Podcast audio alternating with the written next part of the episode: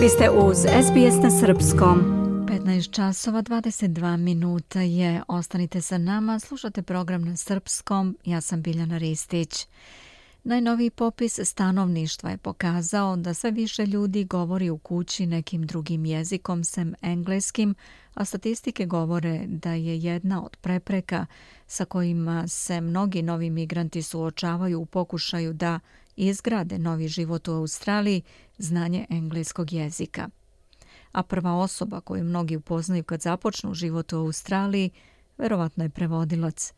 Prevodioci su potrebni u svim delovima Australija. Program koji finansira vlada u Novom Južnom Velsu omogućio je da više od 400 ljudi koji govore preko 50 različitih jezika postanu kvalifikovani prevodioci. Međutim, zagovornici ostvarivanja prava novodošlih doseljenika smatraju da je potrebno učiniti mnogo više na tom planu kako bi se podržao proces naseljavanja u Australiji.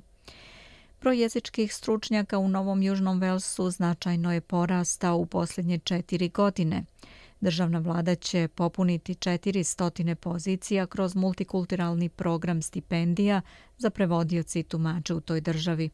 Uz pomoć brojnih obrazovnih institucija, uključujući TAFE Novog Južnog Velsa, Univerzitet Novog Južnog Velsa i RMIT, Program je omogućio ljudima koji govore više od 50 različitih jezika i dijalekata da se uključe u prevodilačke redove u toj australijskoj državi. Ministar za multikulturalna pitanja u Novom Južnom Velsu je Mark Corey. This will go a long way in ensuring that those communities that have On smatra da će pomenuti program doprineti mnogo tome da zajednice koje imaju tumače i prevodioce na svom maternjem jeziku dobiju najbolji savjet i podršku kako bi se na taj način osiguralo da se važne vladine poruke prenesu dalje u te zajednice. Svi koji završe program i steknu sertifikat mogu se pridružiti našem stručnom panelu za jezike. Gospodin Mark Corey je dodao da je program privukao ljude različitih uzrasta širom države zainteresovanih da koriste svoje jezičke veštine kao karijeru, uključujući i iz regiona Novog Južnog Velsa, čak 20% iz regionalnih delova zemlje. Kroz budžet Novog Južnog Velsa za 2022-2023 obezveđeno je 16 miliona dolara tokom dve godine za poboljšanje jezičke službe u cijeloj državi. Predsjednica Federacije škola jezika koji se uče u multikulturalnoj zajednici Novog Južnog Velsa, Lucia Jones, rekla je da je program dodatni dokaz koliko se vrednuje učenje jezika. Jezik je jedno od najvećih kulturnih, društvenih i poslovnih dobara Novog Južnog Velsa, stoga se ne može zanemariti i mora se negovati i razvijati podučavajući decu jezicima u školama jezika i u zajednici širom države, štitimo i garantujemo naše buduće jezičke veštine, rekla je ona. Deca koja uče drugi jezik u školama imaće mogućnost da razviju karijeru u tumačenju i prevođenju koja koristi svim aspektima našeg društva, kaže gospođa Jones.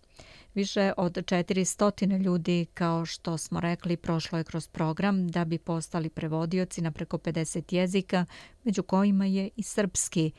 Dari, somalijski i ukrajinski su među novim jezicima koji dominiraju među prevodiocima, koji često i pomažu ljudima koji su raseljeni zbog ratnih sukoba.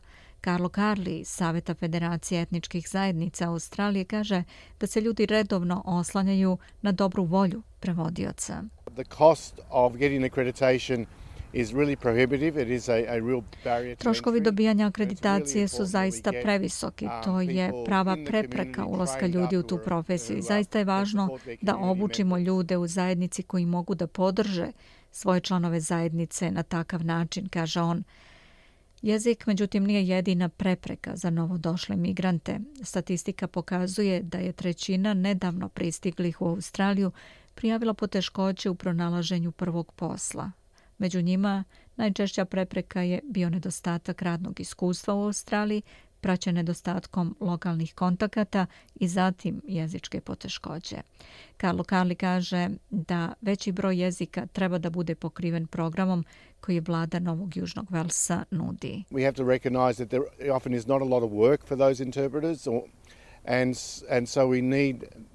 Moramo također biti svesni i činjenice da često nema dovoljno posla za te prevodioce i zato nam je potrebna njihova dobra volja da podrže članove svoje zajednice i da imaju određenu fleksibilnost kada je u pitanju njihovo radno vreme, kaže on, a piše Stefani Korsetti za SBS News. Za više informacija o programu stipendija Novog Južnog Velsa, New South Wales Interpreting Scholarship Program, posjetite multicultural.newsouthwales.gov.au. Želite da čujete još priča poput ove? Slušajte nas na Apple Podcast, Google Podcast, Spotify ili odakle god slušate podcast.